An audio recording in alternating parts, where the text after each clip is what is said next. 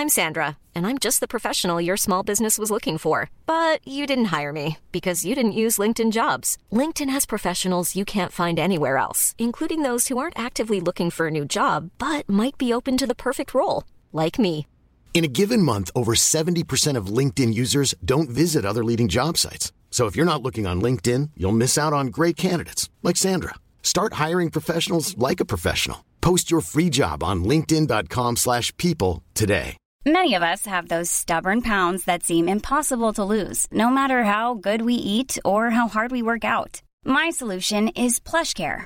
PlushCare is a leading telehealth provider with doctors who are there for you day and night to partner with you in your weight loss journey. They can prescribe FDA-approved weight loss medications like Wagovi and Zepbound for those who qualify. Plus, they accept most insurance plans. To get started, visit plushcare.com slash weight loss. That's plushcare.com slash weight loss.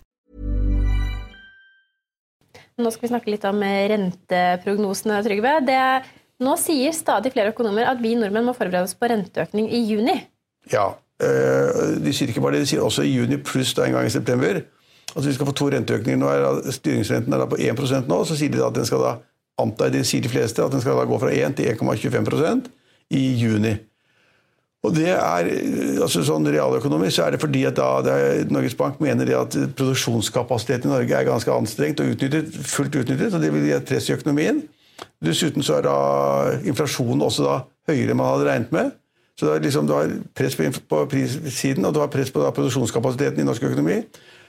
Og det må da, sier mange økonomer og rådgivere, det må da Norges Bank gjøre noe med. og den måten de kan gjøre det på, er å sette opp rentene, slik at man demper da press i økonomien og demper presset i boligmarkedet. Og demper alt som er av altså sprengt kapasitet osv. Og om det blir noe, altså Norges Bank har uttrykt seg slik at man må anta med stor grad av sannsynlighet at det blir en renteøkning i juni, men bitte liten. Jeg er i tvil, det, det tror jeg er sånn 50-50. Jeg trodde kanskje at Norges Bank hvis de vil sette opp renten, venter til september for å se hva som skjer med disse handelsavtalene, hva som skjer i resten av verden. Ja, for Det har jo vært en annen eh, ting som kommer fra sidelinjen. At det er kun en handelskrig eller eskalering av handelskrigen som kan sette en stopper for en renteøkning i juni nå.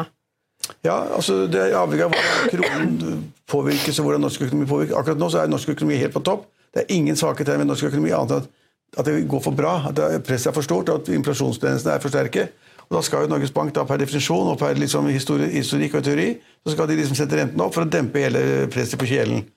Og Det er mange som mener at de bør gjøre, men jeg er ikke så sikker på det er altså Hvor lenge varer liksom den, den tilstanden vi har i norsk økonomi? Det kan man jo stille spørsmålstegn ved. Hvis resten av verden får et fall, altså hvis Europa og EU-landene får en lavere vekst, langt lavere vekst enn forventet, så er ikke det bra. Og hvis man plutselig skulle få da en lavere vekst i USA, da går det veldig bra. Ledigheten i Amerika, Amerika er på 3,6% eller noe sånt. Det tror jeg er laveste siden 1969 eller noe sånt nå. Eh, Så i, USA så er det liksom alt bra.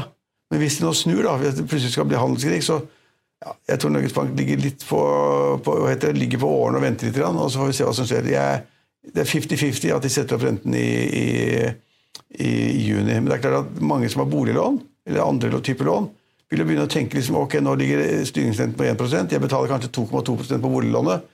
Kanskje må jeg betale 2,45 eh, i, i juni, kanskje jeg må betale på slutten av året, som er kanskje opp i nærmere 3 Fremdeles en lav rente. Alle rentene kan trekkes av på selvangivelsen og få skattefradrag. Men kanskje, kanskje folk begynner å bli litt bekymret, og så får vi også den der gjelds, gjelds, eh, gjeldsregisteret, hvor da liksom, det blir lettere å kontrollere om de som låner penger, har da råd til det, eller om de låner for mye og de låner samme beløpene i masse banker samtidig osv. Det, ja, det vi hører nå, betyr kanskje at det blir litt mer problematisk med boligmarkedet i, i løpet av sommeren og i høsten. Ja. Økonominyhetene er en podkast fra Finansavisen. Programledere er Marius Lorentzen, Stein Ove Haugen og Benedikte Storm Bamvik. Produsenter er Lars Brenden Skram og Bashar Johar. Og ansvarlig redaktør er Trygve Hegnar.